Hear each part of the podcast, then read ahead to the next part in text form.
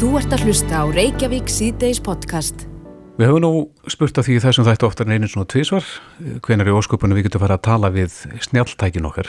Já. En það eru margir íslendingar sem að eru bara í hörku samræðum á ensku við, Já, við það- tækin sín. fara á meðal þú sjálfur er það ekki? Jú, jú, Já. það er hérna Google Home. Já, ég var í Mjög mitt vinsælt. gestkomandi í húsi þar sem að húsráðandinn talaði við Alexu gríðverk, Já, en allar skipan er á ensku eins og þú segir já, og það, hérna, þeir sem þetta vil til, þeir segja að þetta bara stifti sköpum ef við ætlum að viðhalda tungumálinu. Já, því að snjáltækin eru uh, já, taka yfir smátt og smátt Já, En það var verið- nákvæmlega. En það var verið að skrifa undir samning.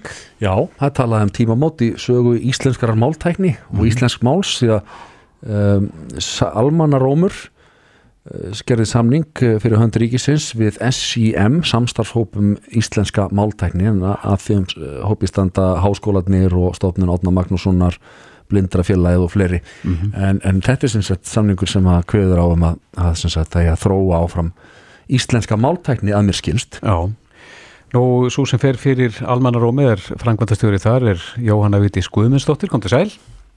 sælir. Já, hvað fælst í þessum samningi? Hvað, hvað á að gera? Já, það er nú ímyndslegt. Þetta er þetta fyrsta, við getum sagt að þetta er fyrsta stigið í, á, í svona lengri, nálengra ferðalagi og, og við gerðum sem samning til eins árs um rannsóknir og þróun á sviðum áltækni og svona það sem er skiptið mestum máli að byrja á er auðvitað gagnasafni.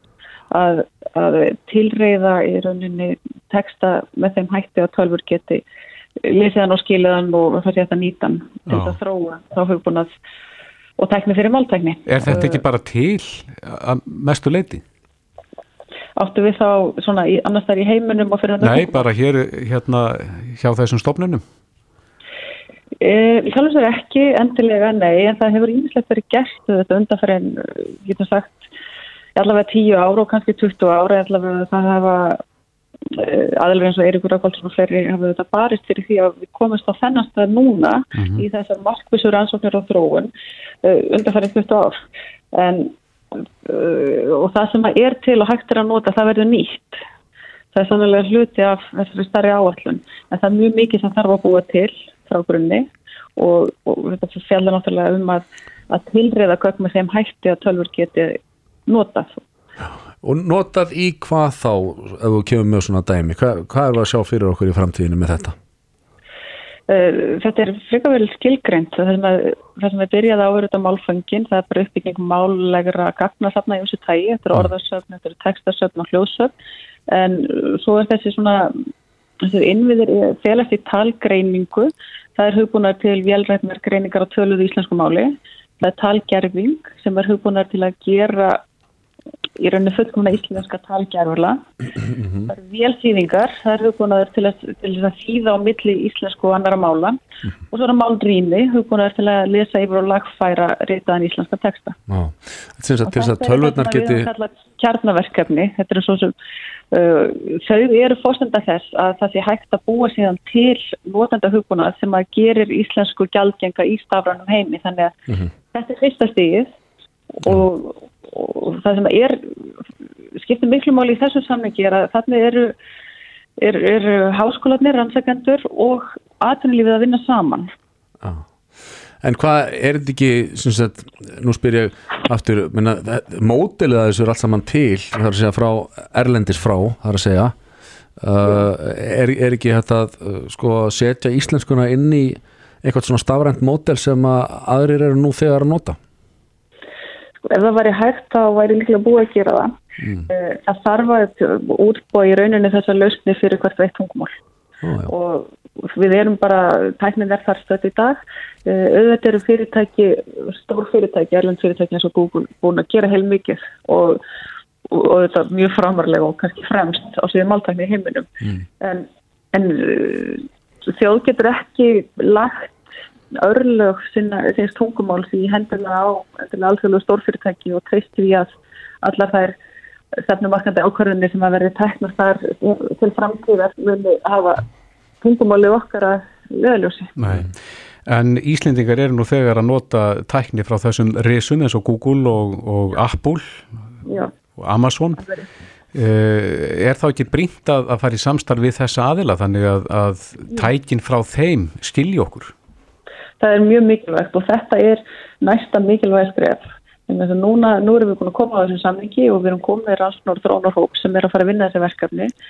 Það eru þetta greiðilega mikilvægt. En næsta skref er að byggja upp raunverulegt samband við þessi fyrirtæki vegna þess að það skiptir ekki máli hversu flottar og fullkomnar lausnir við þróum ef að þær eru ekki inn í tækjanum sem við kaupum mm -hmm. þá, þá eru það líklega dagslausar en þessar kjarnalausnir sem að núna er verið að fara í gang með að smíða það er uh, verða grunnurinn að hugbúnaði og, og líkilatrið í þessum áltækna áallan er að þessar lausnir eru nýtanlegar endurgjaldslaust bæði hugbúnaður og þau gögg sem, sem að eru bara ekki háð eignar eftir þriði aðila. Uh, og þannig að fyrirtækju einstaklingar stofnanir geta tekið þessar kjarnalösni þegar þær eru tilbúnar og smíðað notenda búnað og fyrir íslenska markað og það er gildur auðvitað um þessi alltfjörður stórfyrirtæki líka þannig að það skiptir mjög mjög máli að þetta sé gert af þeim gæðum og samkvæmt stöðlum sem að, sem að þessi fyrirtæki og öll fyrirtæki bara aðtrúlífi geta nýtt. Hvenar sér þú fyrir þeirra að þessi gagnasöfn og, og þessi tækni verði komin í svona ja, praxis eða uh, nótkun hér á landi? Við erum að vinna eftir fjóra til fimm ára plani núna. Mm. og, og auðvitað þróast tæknin mjög hratt. Og hún þróast náttúrulega hraðar heldur en við getum mögulega hlaupið. En við við höfum búið til framkvæmdáðslan sem tekum við að því. Þar er leiðandi gerð við samning við þennan hópur ánsakanda og þrónaræðila til eins árs. Mm. með möguleika á að framleggja en það er skilur einnig sem samningi líka að það sé unni með allra lífunu, það sé unni með erlendu sérfræðingum erlendum aðeljum þannig að með þeim hætti þá, þá sé ég fyrir mér að við getum hraða þessu eins mikið og hægt er. Tæknin vinnur líka með okkur gerfi þróun gerfifrindar og velrænt gagnanám mm. sannlega ger okkur kleift að mögulega þróa þetta hraðar, ég vona það. En þú sér þetta að meina að þó þið séu með eh, plan til fjara, fimm ára að þá gæti þetta verið kannski á næstu tömur árum eða þetta segja eitthvað slíkt? Get núna það, en ég get ekki lofa neina og ég get alls ekki lofa upp í ermarnar á vísindamönnum sem að, að, að framkvæma þetta og það er náttúrulega það er þetta þeirra núna að, að vinna alla vinnuna. Við erum búin að gera samling og það er eitt og við erum búin að skilka hérna verkefnis sem er líka mikilvægt Já. en núna fyrir að vinna í gang. En þessi stóru tæknarísar eins og Kristófur nefndi áðan, Google, Amazon, Apple, er, er, er það eitthvað að standi í vegi fyrir samningum með þá að við séum þetta smá, það er að segja að séu svo fáir sem að tala íslensku í heiminum að, að þetta uh, sé ekki á forgangslista hjá þeim eða? það bara hefur ekki reynd á það ennþá en, en ég held að þarna þá skiptu þetta máli bara að koma bara með nýskapandi lausnir þar sem að hægt er að finna virði fyrir alla í, ah. í því að vinna saman ah. og við erum búin að því að vera með mjög svona einsleitan marka sem auðvelt er að prófa það er að prófa lausnir, það er að prófa viðskiptamótur hér og ímislegt þannig að það getur verið virði í því fyrir svona fyrirtæki. Mm -hmm.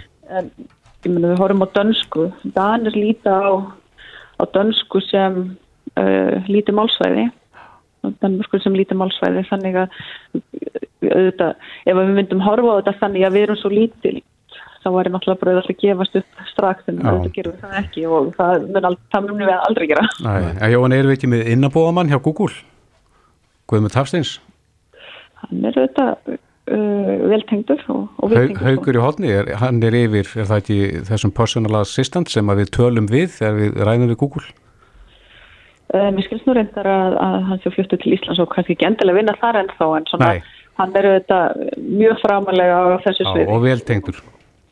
Sannarlega og auðvitað Og einn kemur hann að þessu verkefni með okkur? Ekki verið einum hætti, nei. Nei. En, en, en við þekkjum hann og, og ég spjalla við hann og, og hann náttúrulega er mjög framverlega á þessu sviði. Já. það er alveg réttið Jóhanna Vítis Guðmundsdóttir, kæra þakki fyrir þetta og gangi ykkur vel. Takk kærlega fyrir. Bless, bless. bless. Þú ert að hlusta á Reykjavík C-Days podcast. Já, nú er Mike Pence farin aftur. Já, hann fór ekki heim hann fór til Breitlands Heldur áfram försinni mm -hmm. En það var engin smá viðhöfn sem að honum fyldi Einmitt, og marga spurningar. Það Já, eru já, hvernig fleiri spurningar eftir heimsóknun heldur en fyrir. Svo gerist þetta allt svo hratt og Já. eins og þú segir spurningarna standa eftir og þetta er bara, það er eins og það hefði komið hérna stormur yfir okkur. Nei, einmitt, og, Fellibylur. og einhvern veginn er við, litla Ísland orðnir á milli risana aftur Eh, aftur. já, það er Kín og Bandaríkin og, og spurning í hvort fótið við eigum að stíga. Já. við erum náttúrulega í varnasamstarfi við Bandaríkin en Já. Kínverjar hafa verið að hérna, banku upp á og, og vilja vera mem og við erum með ríkistofnaflokka sem að er í samstæri sem að ég held að sé ekkit alveg sammála um í hvort fótinn er að stíga í þessu. Nei. Enda ætlar hún Þorgjörður Katrín að viðrist að óska eftir því að, að fórsætisráðara muni mæta fyrir fundu utækisnefndar til að ræða þessa heimsótt betur. Og það sem að svona stendur á haus og upp úr í því en Þorgjörður Katrín er á línunni, sælublesuð þú hefur líst þessu yfir á Facebook síðinni allavega að, að þú viljir fá þennan fund og, og hva, hvað er það svona sem að þú vilt helst spyrja fórsætisráðara um hvað þetta varðar? Já, ég var nú búin að byggja um fundin fyrir heimsók pens að við fengum eiginlega litla sem engar upplýsingar um það hvað bæði fósættisráþura og auðvitaðsráþura myndi þá tala við hann um en, en það eftir, eftir fundin í gæra þá er alveg ljóst að það eru fleiri spurningar sem vakna og, og uh, sem að fósættisráþura sem formaði þjóðaröryggisás verður líka að, koma og svara. Það sem ég fannst líka sem bæði, já sem uh, nefndarmæður í utryggismálunenda þá fannst mér auðvitað ótrúlega skrítið að öll málefni sem tengjast Kína og, og verkefninu Belta og Brauð hafa ekki fengist rætt í utryggismálunend og mér fannst það ekki viðjandi að, að það væri verið að ræða þessi mál fyrst við, við bandaríkjumenn og en skilja alþingi Íslandika eftir. En það var svolítið greinilega það sem að bandaríkjumenn vildu ræða þeir hafa greinilega sett þetta á oddin í, í þessari heimsókn Já, það er augljóst og það er líka alveg ljóst að menn hafi þá vitað um það fyrirfram. Það, þetta er ekki eitthvað sem að dettur uh, fram bara á síðustu mínútum eða metrum slíkrar heimsóknar. Það er allt mjög vel undirbúið. uh, allavega samkvæmt minni reynslu úr ráðanutum og þannig að það, þetta hefði ekki eftir að koma óvart. En her, Síðan er náttúrulega það sem að lita líka er að, uh, sem að þið sögðu í upphafi að uh, ríkisvöldnaflokkarnir hafa ólíka sín varðandi alþjóðarsamstarf, eh, varnar og öryggismál uh, og vissulega lítast vinstur græna svona kannski gamaldags viðhóruð gagvart uh, varnarmálum, svolítið lítar á kaldastriðinu meðan að, að augljósta sjálfstæðismenn er að fara þá leið sem ég tel reyndar mjög varhugaverða og það er að blanda saman uh, viðskiptum og vörnum. Að reyna að fá einhvern efnaðarslegan ábata út á ákveðna varnir. Það er þá alveg ný leið sem er verið að þetta. Það þarf að fá spurningar, spurningar eða svör við þeim spurningum. það er svo tilfinning sem að, maður fær nefnilega að það sé þarna verið að slá sér á bróst það sé verið að semja um einhverja milliríkja samninga Mike Pompeo hafi komið hingað einungis vegna þess og það sé, það sé sem sagt, uh, utanríkisáþurann sé að slá þar keilur en, síðan sé þá á baku tjöldin búið að selja í staðin sem sagt svona aðgangað varnarsamstarfi. Já, ég, þú veist, það, það er það sem að liggur yfir og þess vegna hefði ég haldið að þetta væri til að mynda eitur í beinu vinstu græna. Það, Ég hefði talið að, að fórsættisráður hefði einmitt nýtt þetta tækifæri og ekki bara ítrekkað þjóðaröryggistefnuna þó að hún sé ekki sammálunni, þá verður hún að fylginni að hún hefði ítrekkað hana og líka sagt og undirstrekkað mjög rækilega að uh, þetta veri tvö aðskild mál. Það er sjálfsagt að við ræðum efnaðs og viðskiptamál við okkar gömlu góðu bandafjöðu gegnum áraði og árin og áratugina en varnamálin eru bara sérstakum, málaflokkur sem skiptir okkur ekki síðan málu eftir um bandaríkjum Mhm. og ég hef verið að draga það fram að mér finnst eh, eftir að Trump-stjórnin tók við, það hefur ekki alltaf verið þannig, bæði hjá Obama og líka George Bush að, að þá vildu þeir samhenda Evrópu, öfluga Evrópu en, en þessi Trump-stjórn er bæði að grafundan innrimarkaðinum og líka ekki síður með alltarar áherslur en við í lofslagsmálum. en það var nú þannig Það að er bara ójabæði í okkar samskipti núna. Obama-stjórnin vildi reyndar ekkert með Ísland hafa og vildi fara að setja okkur viðskiptahöft og, og annað vegna kvalveiða en það hefur heldur betur snúist við í tíð Donalds Trump Já, það hefur gert það en það sem Obama-stjórnin gerði að hún áttaði sig á mikilvægi samstöðu Evrópu að því samstaða þýðir frið og friður þýðir velsald, friður þýðir efnahagsvelsald líka og auk þess að undirstryka marréttindi. Og það var það sem að bæði uh, demokrater í gegnum tíðin en ekki síður republikana þá hvað til núna hafa átt að segja á að það er mikilvægt að hafa samhætta Evrópu. Og við erum hluti af innri markaði Evrópu sem að hefur haft mjög mikla og góða þýðingu fyrir okkur, efnaðslega sem félagslega. Þannig að, að það er ákveð áhugjefni núna samskiptin við, við bandaríkin og það þarf einfallega að fara yfir þau.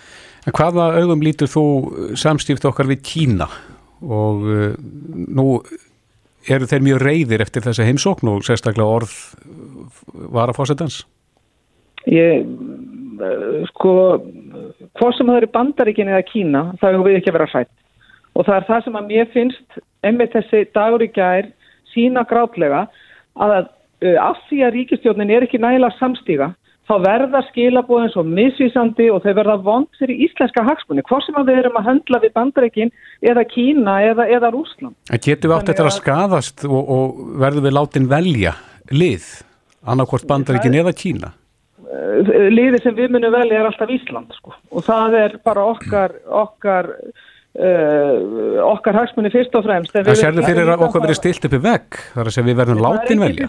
okkur, Það er enginn sem stillur okkur uppi vegg hvað, það varður og ég vil líka minna á að við erum í og stopnaðilar að NATO varnarbandalagi veströðna þjóð og það er ekkert að fara að breytast. Já en það hljómar samt þannig eins og að bandaríkinn séu já, með, með þessari heimsóknarinn að tryggja það að við förum ekki frekar samstof og hann reyndar þakkaði Íslandi sérstaklega fyrir að hafa sagt nei við beltu og braut konseptinu frá, frá Kína.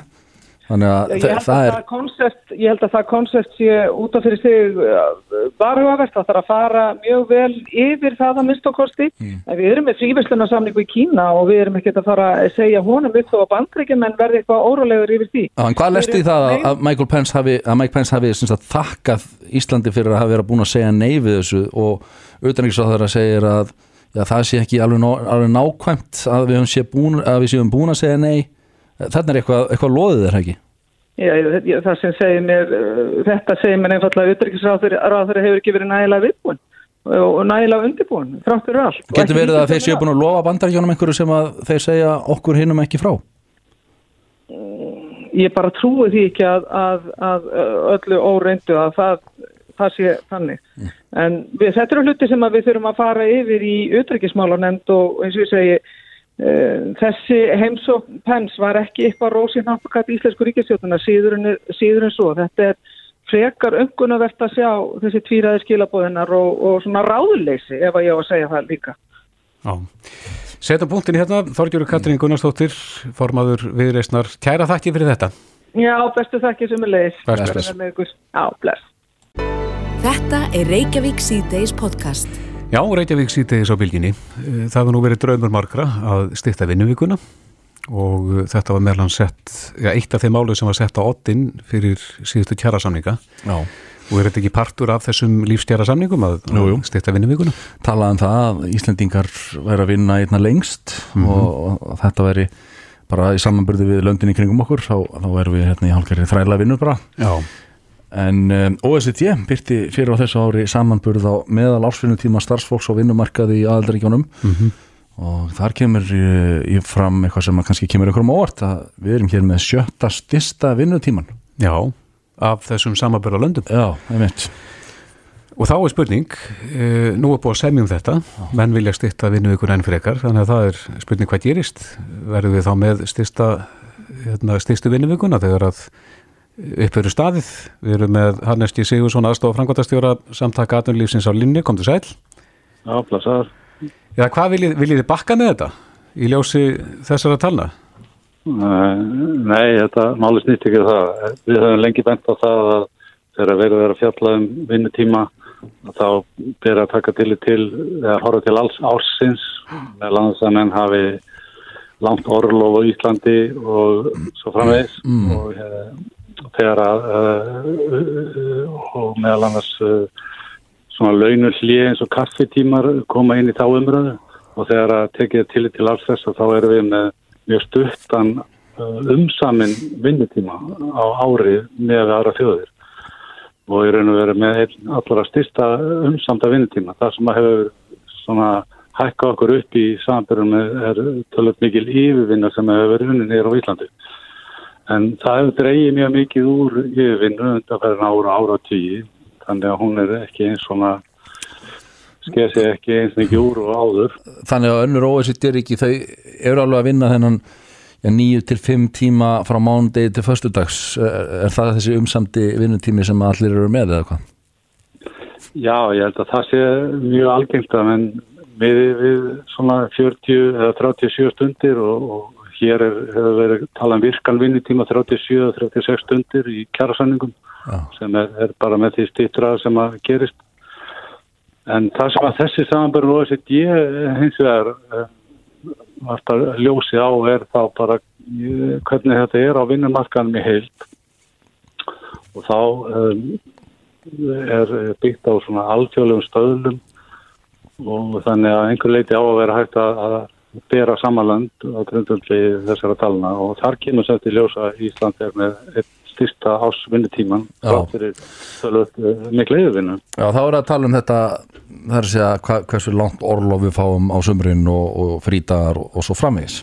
Já, sérstaklega frítag sem eru tölvöld margir helgidagarnir og, og rauðdagarnir og síðan er náttúrulega kemur inn í þetta fæðingarólur eða réttin til þess og Já, en þá er samt fólk ekki alveg að tala saman eða um saman hlutin, þetta er eplu og appelsínur, eh, þegar fólk er að tala um styrningu vinnuvíkunar þá er það einhvern veginn að hafa eh, sko, meiri tíma, lengri helgi fá hérna, að fara fyrir á föstu dögum og svo frammeins en þá segir þið á móti, herru þið eru með svo langt orlof, svo marga frýta að það, það er ekki sangjant Já, það verður bara að taka til til uh, alls vinnutíma sem að hérna, fólk á hendi og á einu ári og þá er hann til dæla stuttur á Íslandi. Eru rauðudagarnir fleiri hjá okkur heldur en í nákvæmlandunum? Já, það eru svona í harra kanti. Eru, Hvaða dagur er vinir sem að aðrir eru ekki með? Það eru bara eins og helgir það þjóðkirkunar og frítag Veslamanna og fyrsti mæg og eitthvað slíkt. Sko. Já, ja, fyrsti mæg og frítagur annars það eru það ekki líka? Já, ja, kannski við en ekki alls þar. Sko. Ekki alls þar. Næ. En uh, hvað viljið þið þá gera? Upp á hverju stingi þið núna? Um, við erum í sjálfsvegar ekki að vekja aðtegla á þessu í einhverjum ákvæmum tilgangi heldur að uh, svona leiðrættaðan miskilling sem að við er að hér landi að hér sé unnar miklu fleiri vinnustundir per mann en annars það sem er bara ekki rétt mm -hmm. og við vekjum aðtegla í þessum písli að í í, frumvörpum alþingi sem hafa verið um, um, breytingar á lögum um 40 stundar vinugu hefur uh, verið vísað til þessi, þessar talna OSD í greinagjörðum og uh, það er uh, svo alveg verið dreginn þar að hér sé ástæða til þess að sko stýtta uh, dagvinnu uh, vegna þess að við vinnum svo mikið. En það er bara ekki rétt og samanbörjun sínir að við erum í svona næri kanturum í samanbyrðu þjóða hvað var það mm. áslunum En uh, hver var niðurstaðin í lífstjara samningunum? Er, er, það er talað um styrtingu vinnivíkuna þar en, en er ykkur útfæsla þar sérstug? Já, þetta er svona aðal útfæslan er svo að þetta er eiginlega beint inn á vinnustæðina að, að semja um uh, niðurfællingu greitra kaffitíma og þegar að um það semst að þá farum við niður í 36 virkar vinnustundir á viku. Er, ertu þá að meina að menn geti unnið af sér kaffetímana? Já, semst, þeir verði bara ólaunaðir en verður tímaköpi hækki samsvarandi sko. Mm. Það er þannig sem að þetta er útvægt, þannig að það er bara þannig í, hjá öðrum tjóðan að það er ekki, telst ekki til vinnutíma þessi svo kallu kaffetíma hér á Íslandi.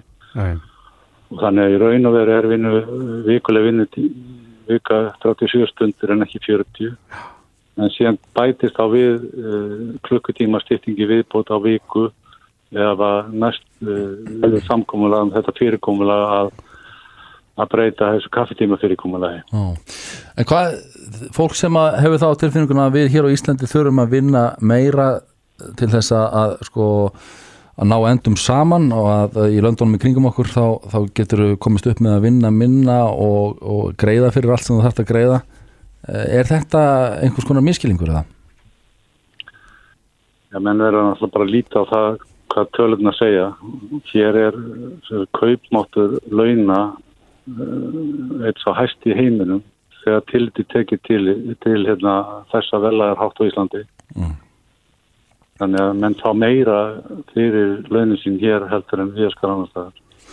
Þannig að það menn, menn, menn, finnst, menn finnst þér aldrei að hafa nóg og, og vilja alltaf meira en þá kannski verða menn bara mm. átt að segja því að menn hafa bara minna og þetta er alveg þegar, þú tekur inn í að húsnaði er dýrt og, og vext, vextir eru dýri fjármáskostnaður eru mikill og allt það Já, þetta er það sem að kemur út úr þessum aldrei samanbyrði og þetta er bara byrst á, á websíðu og sitt í að kaupmáttur leina á Íslandi með að við uh, og þegar tekið til, til hins háa velars í Íslandi, hann er bara svo mesti í, í OECD Já, Hannes G. Sigursson aðstofa frangotastjóri samtaka aðunlífsins, kæra þakki fyrir þetta. Já, takk sem leiðis Bless, bless Hlustaðu hvena sem er á Reykjavík C-Days podcast Já, Reykjavík C-Days á bylginu, þetta eru stóra frétti, það er búið að uh, velja nýjan dónsmálar á þeirra og það er Áslög Arna Sigurstóttir á, sem að uh, var fyrir valinu, hún er á línunni stött í Helsingi núna, kom til Sæl Áslög Sælir. Og til haf mikið með nýja starfið. Kæra þakkir fyrir það. Hvenar heyrir þú fyrst af þessu? Að þú sért uh, orðin dómsmálráþar eða verður dómsmálráþar á morgun þar að segja? Það var bara einni mínúti áður en fundurinn hófst. Já. Já Og hvernig hérna, var þeir innanbrjóst? Ég er bara afskaplega þakklátt fyrir þetta tækifæri mm -hmm. að fá að gegna þessu mikilvæg ennbætti og þakklátt fyrir þetta tröst sem er sínt með þessu. Já, það er framgangur þinn innan flokksins, hann hefur verið nokkuð ör og þú hefur svona, já, látið til þinn taka mjög fljótt. Hvernig, ja, hverju þakkaru þennan öra framgang, ef ég má spyrja? Ég hef þetta bara alltaf lagt mig mikið fram og menn gera það líka í þessu verkefni. Mm -hmm. Þetta er þetta stórt verkefni sem mér er fallið og ég veit að það er ekki sjálfsagt um, en ég hef þetta verið í fóristu fólksins í fjögur ár mm -hmm. og, og verið formaður tveggjast að stóra, stóra nefnda í þinginu þannig að ég hef þetta bara lagt mig alltaf fram í þau verkefni sem mér hafa verið fallið mm -hmm. og er afskaplega þakklátt fyrir það þau sem er sínt með en þá starra verkefni. Já, en Áslu, þú ert á heimavelli þarna, þú ert náttúrulega lögfræðingur og hefur starfað sem lögreglukona? Já, ég þekki þetta þessa máluflokka ágætlega en munið þetta fara núna og einhenda í mér, einhenda mér í það að kynna mér þá ennþá frekar en þetta undir þessu ráðnit eru bæði margi mikilvægur og stóri máluflokkar sem skipta marga máli og ég munið þetta bara vanda mér í það. Verði eitthvað áherslu breytingar á, á, þessum, á þessu sviði? Það er alltaf seint að segja til um það. Já. Alltaf fljótt að segja til um það. Ég bara var að fá að veita þetta fyrir nokkur mínúti síðan. Já, veistu, veistu hver eru svona helstu mest aðkallandu verkefnin sem býða einn? Það er náttúrulega þetta með landsrétt og, og dómarna sem að sem að voru... Já, það eru mörg, það eru mörg stórverkefni sem býða nýtt frá þeirra. Það er alveg lust. Eins og hver? Það eru þetta landsréttur, það fyrsta og síðan eru það þetta stóra áskorinir sem verða úlendingamál, lögregluna og annað líkt. Það er ráðanættið. Þarf að breyta einhverju í, hvað var þar útlendingamálinn í dómsmára ráðanættinu? Ég er bara, var að fá að vita þetta fyrir nokkur myndum og mun setja mig inn í málfokkinu. Mér... Komum með áherslu mínar inn í þingið í höst. Aha. Mér telst til að þú sért uh, næst yngsti ráþerra til þess að uh, setjast í ríkistjórn í Íslands sögunni uh, hérna, þú ert ekki þú ert 28 ára gömul Jú, ég er 28 ára alveg að vera 29 ára eins og sem ég segja Já en, en við bara sínum mikla breytt og, og fólk á að geta verið treyst fyrir ennbættum, hvort sem það er í mm -hmm. pólitíkin eða öðru út Já. Og það sjáum við þetta líka í Lundunum í kringum okkur. Já, ertu á leiðinu heim? Já, ég þarf að fara að finna mig flug heim. Já, akkurat. Kom það bara snögglu, allar að vera lengur eða? Já, það er ástæðan hér fyrir hátið á morgun líka þannig að ég þarf að Já, kölluð heim. Já, akkurat. Já. En enn og aftur, já, til hann ekki með nýja starfið og, og vegnið er vel í því og góða ferð heim Hennilega til hann ekki Bless, bless Já, bless. Herðu frá áslugvörnum, nýjum uh, dómsmálar á þeirra sem að verður sett í ennbætt á morgun eftir ríkisásfund og yfir í uh, Stefani Óskarsdóttur, uh, stjórnmálafræðin, kom til sæl. Já, sæl, sælir. Kemur þetta val þér á óvart? Nei, ekki nei. Þetta var akkurat það sem ég bjóst við.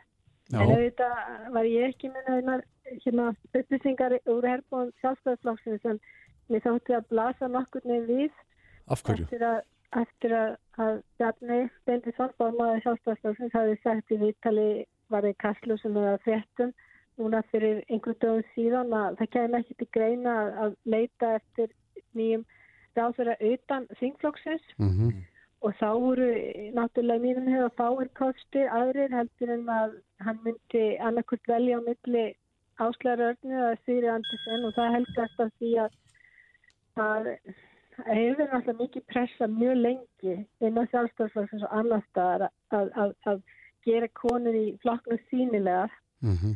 og, og sjálfstæðiskonur og þingi er náttúrulega mjög fáar, það hefur ekki nema fjórar. Og þær voru tværi ríkistjórn en Sigurður fyrst að víkja. Og, og hérna þannig ég bjóst að það sjónan er yfir ofan á. En svo maður heldur ekki gleyma því að, að Áslu Arna, hún er við tala á henni sem mikið treyst um, hjá, hjá, hjá fórstu sjálfstæðarslósið hjá Bjarna og þórti sér kolbrunni ekki síður. Og, og hérna Með hvaða og hætti hún stimplaði sig vel inn í gegnum þetta orkubakkamál þannig að þetta er allt mm. í rauninu mjög fyrirsjónlegt að mínu, mínu mati. Er það helst, myndur þú segja að framganga hennar í orkupakkamálinu að með henni hafi hún áinu sér mikið tröst innan flokksins og, og jafnvel stíð upp í þetta ennbætti? Já, sko eh, sko maður taka nokkuð skrið aftur og eitt er að minna það á slittan landsfundi að þá komu vist ungir sjálfstæðismenn vola sterkirinn, auðmann rétt Mm og þeir gerði meðal hans kröfum það að, að, að fulltrú unga fórustins fengi fórustu ennbætti í, í flokknum. Guðlega Þór Þórásson hafi gert í líklega til þess að byrja sér tjaldi rítar en hann, hann, hann hætti við og áslöða að hann var kursin, kursin í, í þetta ennbætti. Þannig að það er svona eitt sjónami að sé að halda til að hafa eh, hvað segja að, hérna, að tryggja það að ung fólk hafi sínilegt og hafi sem sínt þannig að það tekja sér ábröðstar fyrir flokkin Mm.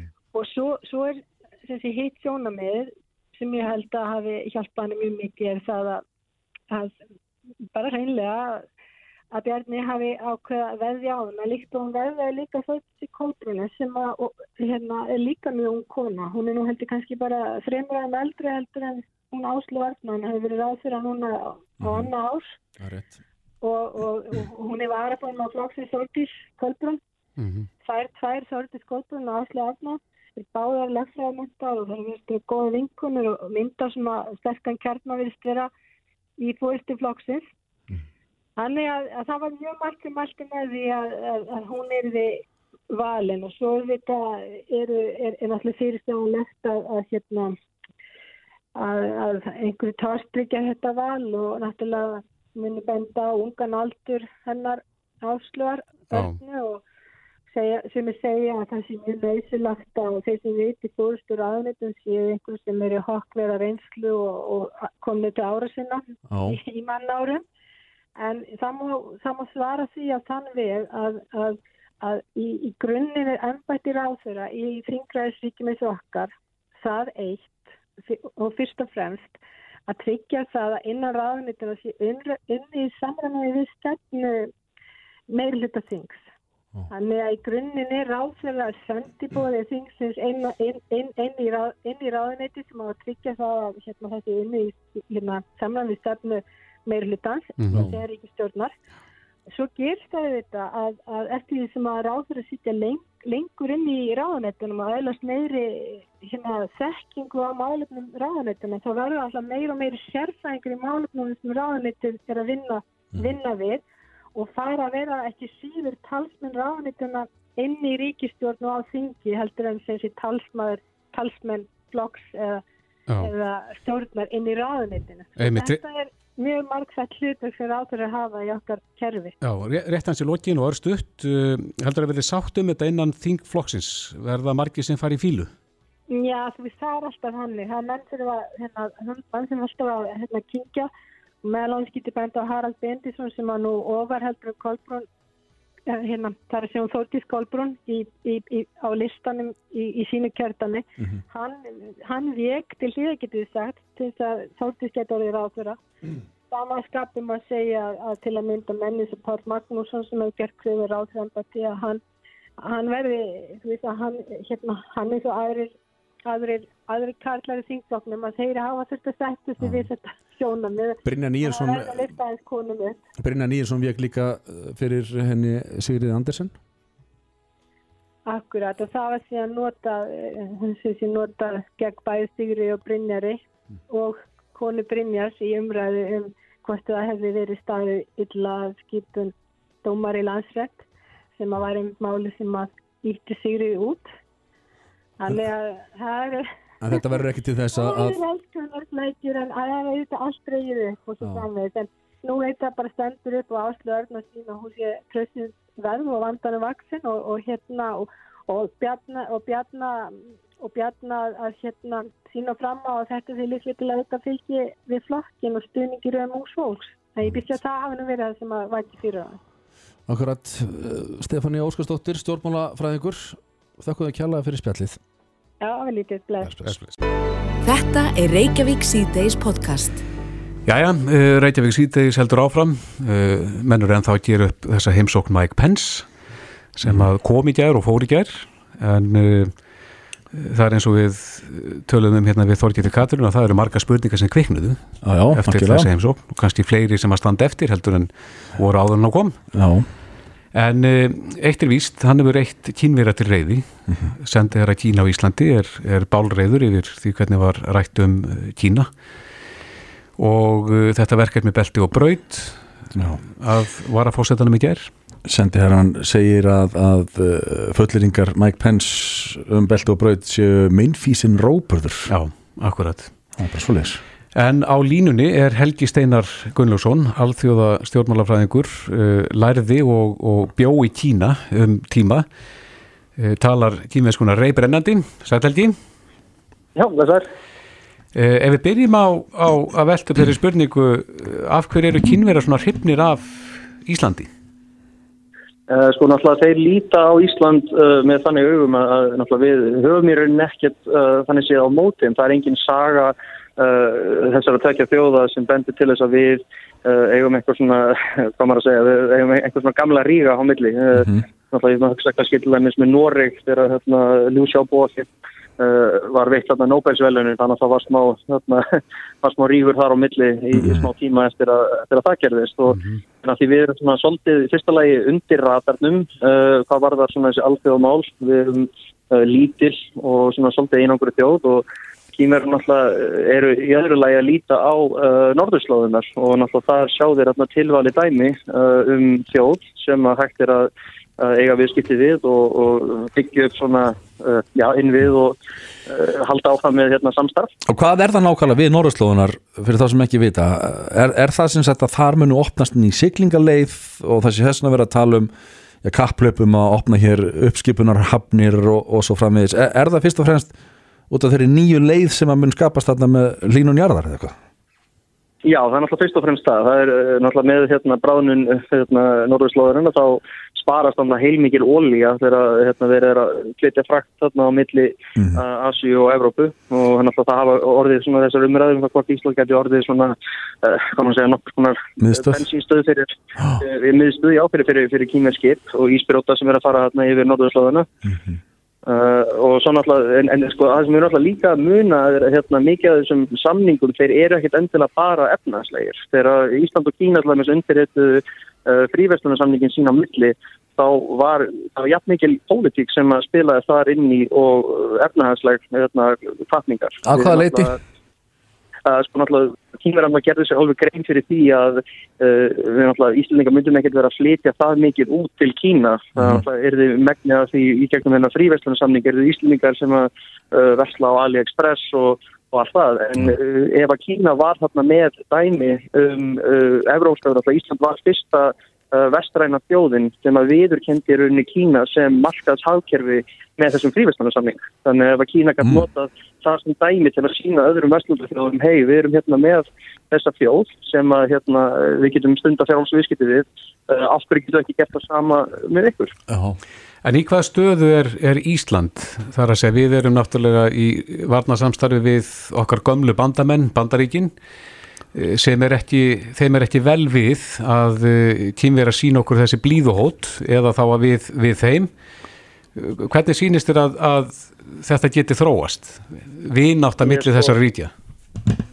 Sko það er alltaf bandaríkjumenn alltaf þessari, alltaf að tala um það að Pence hafi sagt að við höfum hafnað uh, þessari bestu ábreytans sem alltaf er ekki alveg rétt. Uh, við alltaf höfum ekki hafnað neinu þannig séð eins og Guðlegu var að benda á en að það er ekki fyrsta skipti sem þessi ríkistótt bandaríkjuna hafa farið með náttmál en þetta er náttúrulega bara þetta er svolítið bara Ísland er núna á næstunni fast svolítið inn í þessari tókstrið á milli vaksandi heimsvelda. Það er, þú ert með Rúsland, þú ert með Kína og Bandaríkin og það eru allir að líta á uh, norðurslóðuna sem einhvern stað til þess að hérna, annarkort uh, hefja einhvers konar varnar eða hérna, efnahanslegt uh, Uh, já, bara reyði á braut þar á, þar á slóðum. Bandaríkin, uh, Bandaríkin vilja ekki Kína hérna á Íslandi. Þeir, þeir kæra sér ekki um það. Uh, nei, það verðist, svo verðist vera að þeir hérna, verðast ekki vilja kýmverðarna hérna, á Íslands slóðum en oh. aftur á mótin að hafa bandarækjum en sínt uh, lítið sem engan áhuga í að hérna, byggja einhvern innvið á Íslandi eða, Já, en er það samt ekki vera, en er það samt ekki verðist að vera sko, Guðluður Þór talaði um einhvern verslunarsamning við bandarækin þegar Mike Pompeo kemur hérna, þetta lítur út fyrir að Bandarækina hafa haft samband, satt herru við kærum okkur ekki um að þessu hérna, með Kína í bakarinnum. Og auðvitaðrækistáðar hann býður, já, ef þið viljið auka viður eitthvað hér, þá erum við að gera eitthvað viðskiptarsamning líka, þetta sé eitthvað neginn svona rossakaup sem eru þar á ferðinni.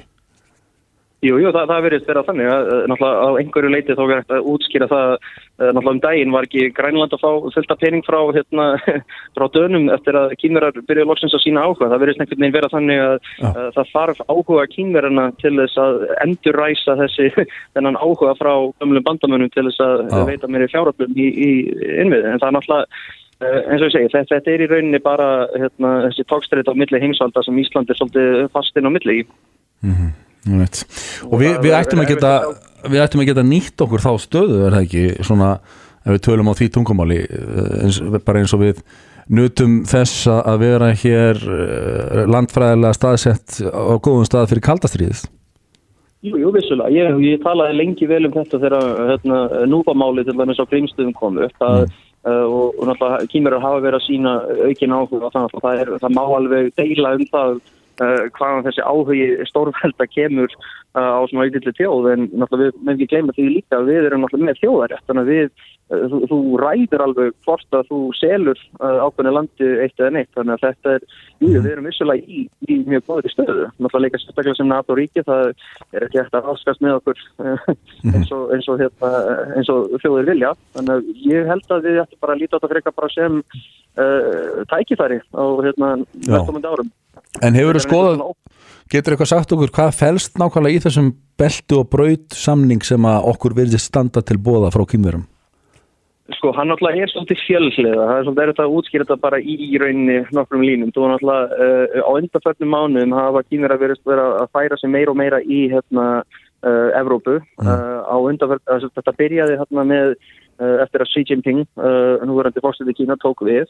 Þeir vilja svona endurhæsa þessa gamlu silkileið sem að kínverðarnir nótluði hérna fyrir áöldum til þess að ferja vörur eins og silk og te og, og, og svo leiðis um alla Afri og einn til Evrópu. Mm -hmm. Og þetta verður vera svona, já, ferra leið til þess að hafa bæði efnahansleg og líka pólitísk áhrif á núverandi stöðu þeirra í heiminum. Já, og það er talað um hérna mikið fjö, markföld, marsalastóðin og svo framvegið sem að fleikt er fram. Jú, jú, jú, þetta er, þeir náttúrulega kýmverðin gerir svo alveg fulla grein fyrir því hvers konar stöðu þeir eru í heiminum og ég ekki talandum bara núna uh, þegar það er svona rosalega mikil umræða um, um Hong Kong og, og, og mannréttindi og, og það sem búið að gerast við hérna, víkarana í hérna, Xinjiang hér aði Uh, þeir náttúrulega vita það að það verður sko, þessi umræða uh, í núverandi heimi um uppbyggingu í heiminum hún, hún tengist líka sko, góðri umræðu um Kína. Þannig ef þeir geta haft einhver áhrif á umræðina í gegnum uppbyggingu og svona, já, útslutun ákveðna samninga þá náttúrulega vilja þeir hjóla á það eins og þeir getast -huh. Mhm. Helgi Steinar Gunnarsson, Arþjóða Stórmálafræðingur þetta var frólægt og við þakkuðu kjalla fyrir spjallið Já, takk fyrir Reykjavík síðdeis á Bilginni podcast. Já, við lesum um það að samtökin heimilu og skóli mm -hmm. og Saft Æsland uh, verða uh, núna með málþing, málstofu um hatusorræðu og uh, heimilu og þetta landsamtök foreldra sem að láta sér þetta varða. Uh, við ætlum að, að heyra í frangatastjóra samtakana, hún hrefna, hún er á línunni hjá okkur, Sælur Blessuð. Segja okkur af þessu, mun hatrið sigra? Málstofa um haturs orðræðu Já, við sem þetta tjá saft og heimil og skóla erum með verkefni sem heitir ekkert hatur orðin fylgir ábyrð mm. og það er svona verkefni sem meðal styrsta Európaröðinu og, og mentum menningamálaðundi og það svona beinir svolítið sjónum að hattu svo á netinu, sérstaklega. Já, hjá ungu fólki þá? Já, bara fólki almennt. Aha. Og þetta, passar ágætlega með okkar vinnu hjá SAFT þar sem við erum að fræða krakka, nefnendur en líka fóruldra og þá sem að kemslu og uppbyldismálum bara góða hegðun á netinu Já. og hvernig má nýta net til góðs en líka vara sig svona á hættunum. Hvaða samtök er þetta sem þið kallið SAFT? saft stendur sem sagt fyrir samfélag, fjölskyld og tækni já, já. og þetta er verkefni sem svona snýstu þessu hluti og hefur verið í líði frá því 2004 hjá okkur mm. ég hefði þarna í kringu 2002 Og er það mat ykkar svona að, að þetta sé vaksandi vandamál, hatusorraða á netinu og, og víðar? Já, ég held að við sjáum það all bara um leið og við höfum svona aukinn tækifæri til að tjá okkur mm. meira og, og sterkar með svona nýri tækni að þá svona fylgir, fylgir oft þessi bökull skamriði að hún getur verið, þessi möguleiki getur verið notað til góðs en það getur líka verið notað til að svona tjási kannski á ekki eins uppbyggilegan hátt. Ah. Og hver, hver er hugmyndin með málþinginu? Er svona verið að reyna að fræða fólk um þetta eða er, er, er verið að skera upp herör gegn þessu? Í rauninni sko að Lísa er kallast rockátt í samtalsins Mm. Þannig að við viljum fá samtal um hattusóraði að því það sem við hefum líka séð mm. er að fólk er alls ekkert alltaf sammál um hvað hattusóraði er. Nei. Þannig við viljum svolítið svona fá, fá frá skoðinni fólks á því og reyna svona átt okkur betur á þessu hugtæki hattusóraði og, og hvað er, hvað það felur í raun í sér og mm -hmm. til dæmis hvað mörkin er á tjáningafræls og hattusóraðu. Mm.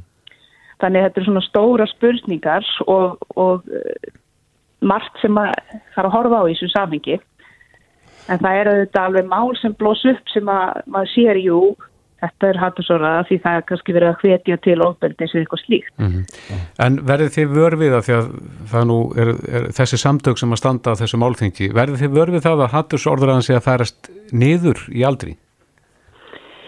Uh, já eins og til dæmis að tala um net einelti sem er svona nýr ángi af einelti. Mm -hmm og svolítið öðruvísi en þetta, hvað en maður getur sagt hefðbundi einiti, að því leiti að þú veist ekki endilega hver er að uh, terrorisera Veitast gegn þér.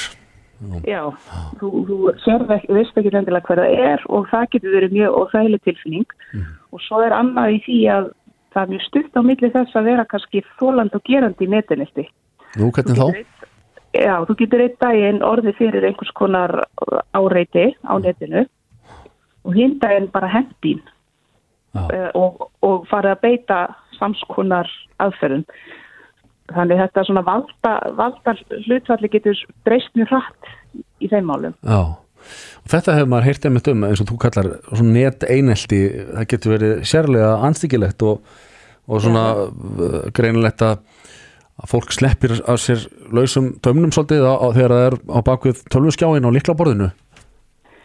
Já, það gera það, nefnilega fólk gerir það á öllum aldri sko. Að, hérna það er eins og það uh, þegar það er ekki auðvitað til auðvitað þá það ímyndi sér eitthvað með henn að þá gerir það aðra samskipturöllur en að auðvitað er það ekki þannig og það er það sem við erum alltaf að uh, tala um að maður á bara að hafa sér eins á netinum að myndi gera auðvitað til auðvitis og einnig að þessu tjáningafrelsi fylgir alltaf ábyrð, öllu frelsi fylgir ábyrð og þó maður geti tjáð sig þá þýðir ekki endilega alltaf að maður ætti að gera það.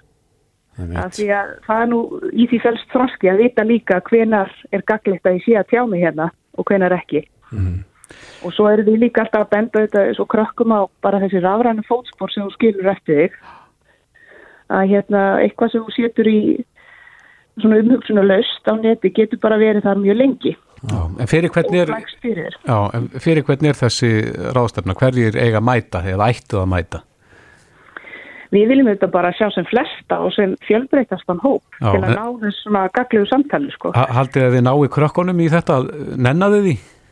Já, við til dæmis erum búin að tryggja okkur að það verði þarna einhver ungmenni því að við hefum verið í samstarfi við svona ungmennar á Akureyrum að fá ungmenni til þessu okkur og vera hana. Já, Þannig að vonandi koma bara sem flestir og, og þau dræfi inn í sína með sér og, og svo eru þetta bara allir velkomnir. Við viljum bara fá sem flesta. En hvernig hafið þið hjá heimil og skóla eða saft eh, svona einhvern veginn kynnt ykkur hvernig, eða hvað er hægt að gera til að brinja sig fyrir svona neteinelti eða hattusórræði á netinu? Já, við höfum svona, sko, við erum auðvitað með þessar eh, svona praktísku ráðleggingar að ef að fólk verður út í þess krakka að vera fyrir því að það er verið að senda þeim eitthvað. Já, Við erum ekki að svara því og blok blokka viðkomandi og tilkynna. Það er náttúrulega hægt að tilkynna mjög í það og samfélagsmiðlum til dæmis um óvíðandi hegðum. Og svo er tilkynningar nappur sem að hérna batna heilir ekkur í samstarfi við- okkar í þessu sáttverkefni sem er svona tilkynningarlína og ábendingarlína og lögreglan fer yfir þær ábendingar líka ef Já. þetta er eitthvað til dæmis sem gæti varðaði lög. ef að barn svo- sér á netinu að það er verið að skrifa eitthvað nýð um sig, eh, á að tilkynna það eitthvað sérstaklega? Það er náttúrulega best að ræða fyrst við eitthvað treystir og fá hjálp. Alls ekki að sitja einn uppi með eitthvað skömm eða vannmátt. Uh, og svo líka er þessi hérna, ábyrðingarnappi til þess gerður að tilkynna ákveðna hluti og það er svona haka þá við hvað þú ert að tilkynna útskýrt. En svo ráðleggjum við líka krökkur sem er að lenda í þessu að taka skjáskot og, og eiga sko eh, myndir af því sem er að gerast og eiga svona gögn til Já. ef þið þyrstu að nota það einhvern tíman eða til að sína öðrum ef þið þyrstu til stuðnismáli sínu. Já, það er kannski líka eitthvað sem að um, fólk ætti að hafa í huga ef það ætlar að fara að sleppa sér lausu á, á liklaborðinu að það er alltaf hægt að taka að því skjáskott og, og það geimist að eilu Já, af því þó þú fjarlægir eitthvað þá getur einhver annar verið löngu búin að vista þetta. Já, það er mitt Þannig það, það bara það fylgir þessu okkur ábyrð að hafa þetta tækifæri og, og, og þessu leiði til að tjá sig. Um leið fylgir því ábyrð að gera það á sómasamlegan máta. Nákvæmlega. Hrefna Sigurðansdóttir, frangandastjóri heimilis og skóla við þökkum þau kjærlega fyrir spjallið Já, takk sem leiðis. yes. Bless.